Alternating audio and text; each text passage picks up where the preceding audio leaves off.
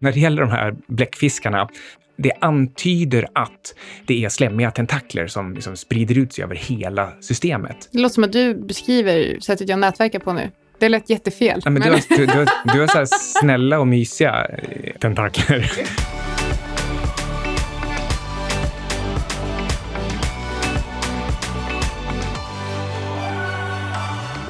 Det är igång. Och jag stänger av Capex. Bra. Hej, du lyssnar på Outsiders och eh, det här avsnittet handlar om konspirationsteorier och redigeras av Alexander Marton. Så fram med foliehattarna. Vi har på oss våra som vanligt. Jag antar att ingen är förvånad där. Och när vi diskuterade vad vi skulle prata om i dagens avsnitt så funderade vi först på, jag sa att vi kanske ska prata om egentligen hur EU är uppbyggt och hur korrupt det är och kanske prata lite om eh, Christina Gard och mm, berätta att hon har blivit utsatt för skattebrott eller så kan vi eh, diskutera ECB eller något annat. Och sen så landade vi ganska snart att det finns väldigt egentligen många frågor som vi skulle vilja lyfta som närmast kan likna konspirationsteorier. Och då blev det lite roligare, tänkte vi, att eh, helt enkelt fokusera på det som ämne. Så välkomna in i foliehattarnas värld. Vi kommer prata om spindelnätet, Eh, Lagarde kommer få vara med på ett hörn. Eh, vi kommer också prata om vad Illuminati har med Wimbledon att göra. Men eh, först sponsorn som möjliggör den här podden och det är Fontobel. Precis, och Fontobel, eh, de är gamla gamet, eller hur? Det är en eh, väldigt stor och stabil och gammal och anrik investmentbank från Schweiz och det är precis vad man vill hålla i handen. Men bara för att de är gamla betyder det inte att de inte satsar på nya produkter. Fontobel har mängder av mini-futures, faktiskt med lägst pris på marknaden, eh, med hur många olika underliggande tillgångar som helst. Och eh, det är ju knappast någon hemlighet att jag och Micke tycker att det finns en ganska god idé i att faktiskt hedga sin portfölj med olika typer av eh, tillgångslag och med olika typer av handel. Och Micke, men du, om du skulle få välja tre stycken saker att hedga portföljen med, vad hade du valt då? Guld, bitcoin och eh, korta dollarräntor. Och, ehm, eh, när det gäller bitcoin, ja då ligger väl kanske de här mini-futures från Fontobel nära till hands. Precis, så Fontobel är faktiskt de enda som eh, har mini-futures på de här fyra, fyra kryptovalutorna. Och då är det bitcoin, Ripple, Litecoin och eh, Ether. Men jag skulle i så fall, jag har ju eh, sagt nu ett tag att jag bränt mig ordentligt på min eh, korta kaffeposition och eh, den hade det faktiskt varit riktigt lönsamt att handla mer aktivt och då hade Mini Future faktiskt varit ett bra alternativ. Men kom ihåg att alla typer av investeringar är förknippade med risk och ingenting vi säger i den här podden är en rekommendation. Men med det sagt, toppen och tack Fontobel! Jag räknar ju med att du ska lyfta min portfölj till tusen miljarder. Vet du vad man gör om man har tusen miljarder eller mer? Finns det någon som har mer?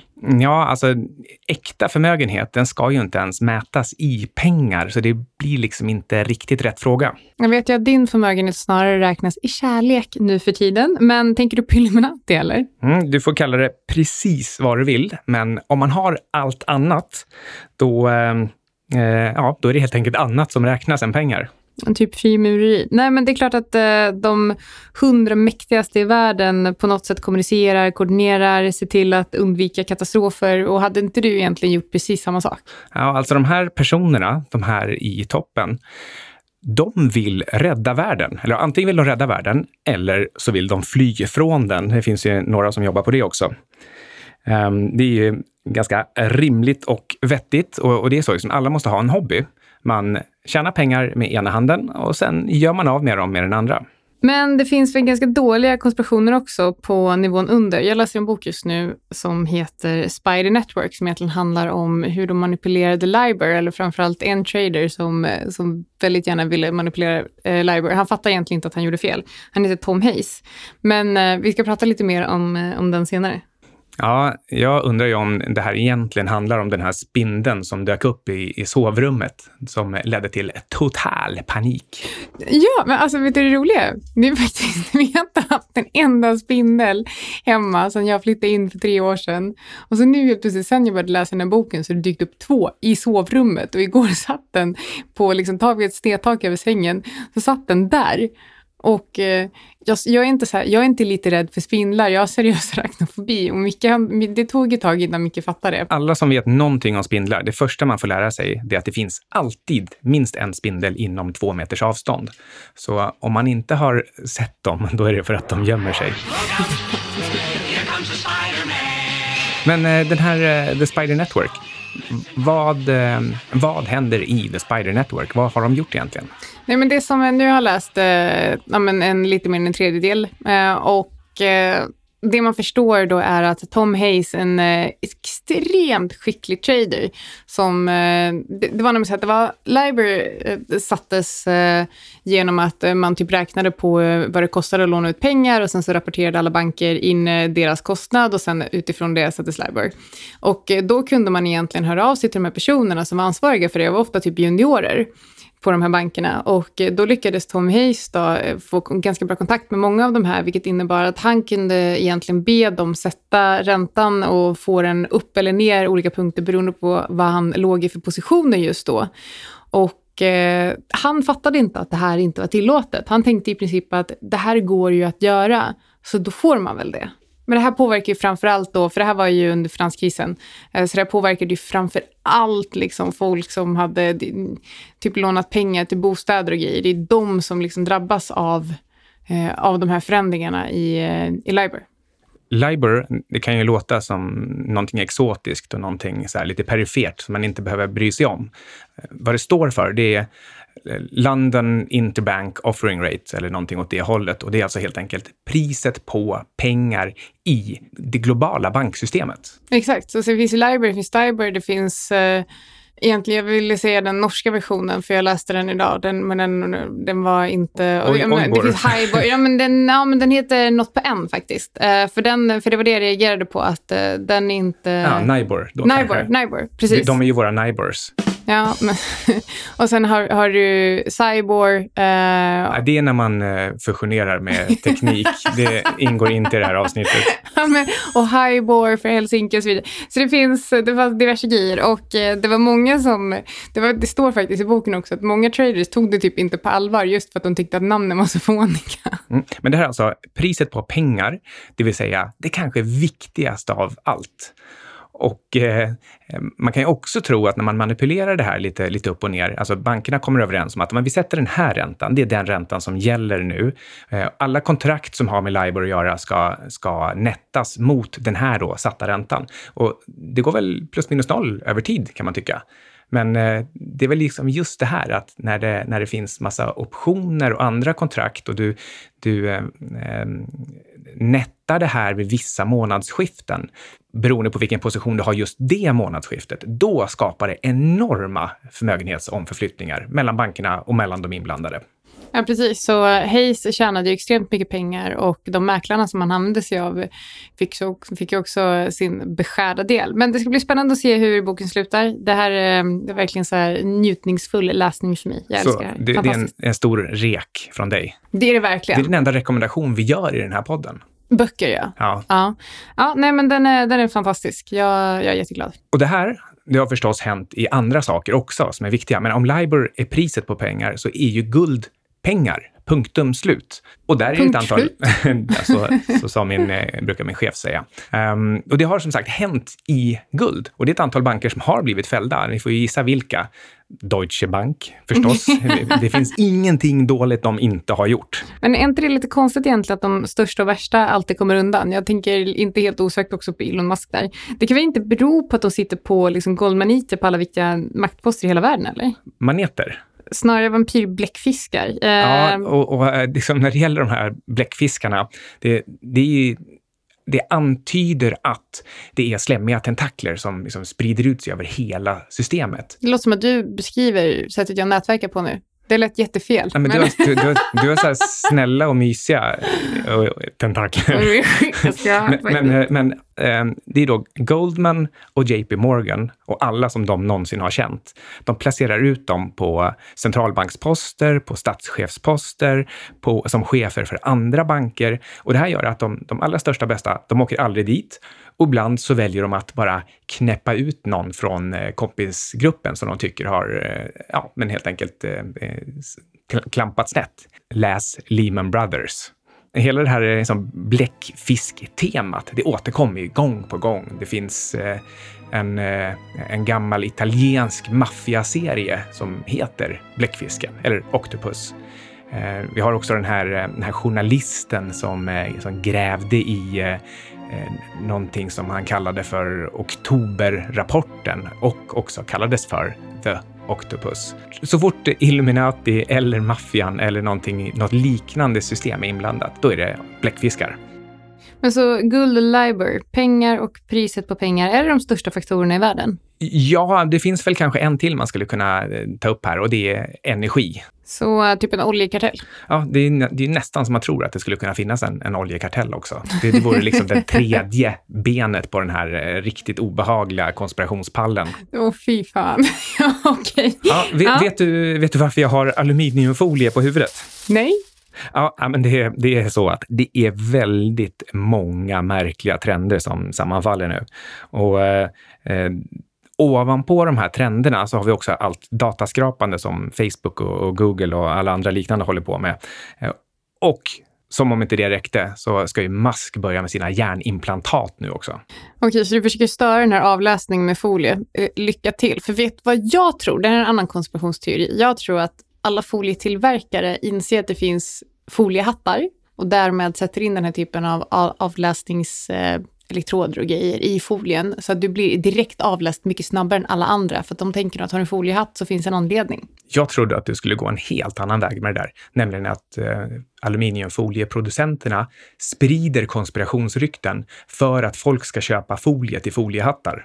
Nej, jag tror att det, det, är bättre att de säljer datan till andra företag. Det tjänar de mer pengar på. Så du menar att det finns pengar att göra dataskrapning?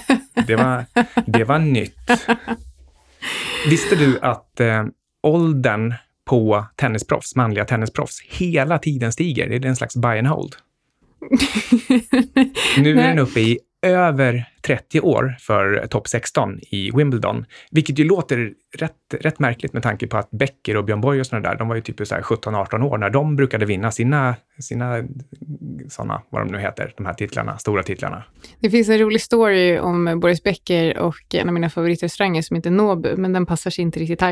Eh, men intressant, andelen privatpersoner som äger aktier i USA har också faktiskt gjort motsatt eh, resa, så från 94 procent efter andra världskriget till 36 procent nu. Och det har planat ut lite efter finanskrisen på all time low. Mm, alltså privatpersoner äger alltså inte aktier i USA. Istället så är det andelen utlänningar, den har ökat till all time high och ligger på 15 procent. Så, så vad är det som händer här? Ja, du, trender som aldrig slutar sker inte av en slump och eh, vet du vad? Behåll ditt folie, för jag vill minsann inte bli avläst av eh, de stora bolagen. Vad jag tror håller på att hända här, alla de här olika sakerna som vi pratar om, det är att allting syftar till att skapa en kontrollerad men massiv kris. Och det får samla världen först i tre lite mer sammanhållna block och därefter två och till sist ett enda världsblock. Typ global kommunism och centralstyre. Det låter inte alls som en framtid som jag vill leva i. Ja, alltså det, det, det är bättre än så. De här TPTB, de vet att man inte kan vinna över guld och krypto. Det går inte. Guld är pengar, punkt. Och det går inte att förstöra, så det går inte att skapa nytt. Det tar man inte bort. Bitcoin, mer eller mindre oföränderligt. Ja, vi får väl prata med Erik Wall sen, eh, hur det var med den där mjuka gaffen och eh, Exakt, men X billion coins. Men eh, eftersom man vet att man inte kan vinna vid guld och krypto så börjar man helt enkelt med ett enat Europa och de här tre blocken. Och sen någonstans mycket längre fram så skapar man en, någon typ av utopia baserat på de här. Vi kommer till det. Är det därför den här gamla advokaten och skattebrottslingen Lagarde ska ta över ECB? För att sköta alltså förhandlingarna och bailoutsen i den här orkestrerade bankkollapsen med Deutsche Bank i spetsen. Det Där är... har ni en konspiration, hörni. Ja, men det är precis vad jag tror. För sen 2008, sen den krisen. Han jag tror kommer att den, bli belönad med råge också, Lagarde, misstänker jag. Den, det, det, är ingenting mot hur belönad jag blev av den här 2008-krisen. eh, jo, det är det nog faktiskt. Sen, men, men ganska många multiplar, misstänker jag. Ja, okay. Um, ehm, tänkte jag plötsligt på tentakler och bläckfiskar. Um, men um, sen 2008 då vet alla de här inblandade att skulderna är ohållbara. Och eh, man har stretchat systemet nästan liksom dubbelt så mycket till de senaste tio åren. Och, och då vet man att det, det här kommer inte hålla. Så det man vill ha, det är en rejäl kris, men med ett färdigt manuskript. Och på så sätt kan man kontrollera slutresultatet.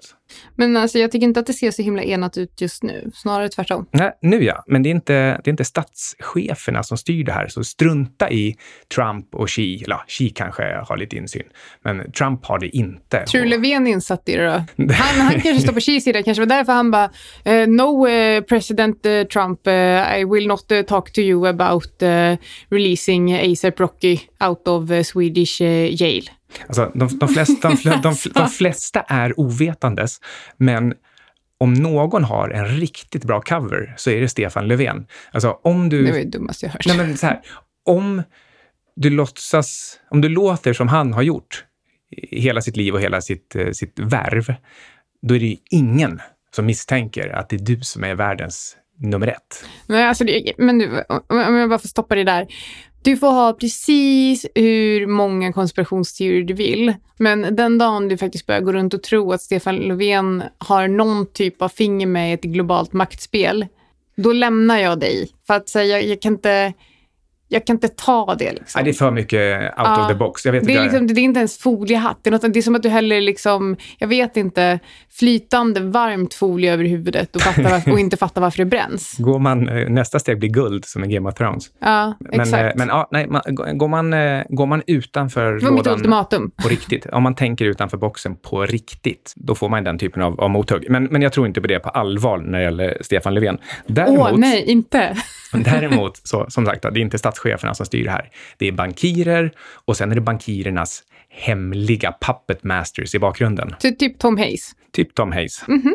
Okej. Okay. Continue. Och, och eh, vad man då gör efter krisen, bankirerna håller i trådarna, det är att man skapar ett globalt imperium, ett nätverksbaserat imperium som bygger på diverse eh, maktnoder. Och i det här nätverkssystemet så är det krypto och guld som håller räkningen på, vi kan säga, tjänster och gentjänster. Tror du att Libra och Facebook kommer ha ett finger med i det här spelet? Libra är med här någonstans, men jag är lite osäker på om det faktiskt är med i själva huvudnätverket eller om det ingår bara som en, en bricka i spelet för att eh, katalysera en snabbare övergång till eh, just bitcoin. Jag undrar också om du har hängt för mycket med Alexander Bard? Mm, det, det kan vara så. Men jag vill lägga till en annan sak här och det är att när det gäller guld, så tänk på det här.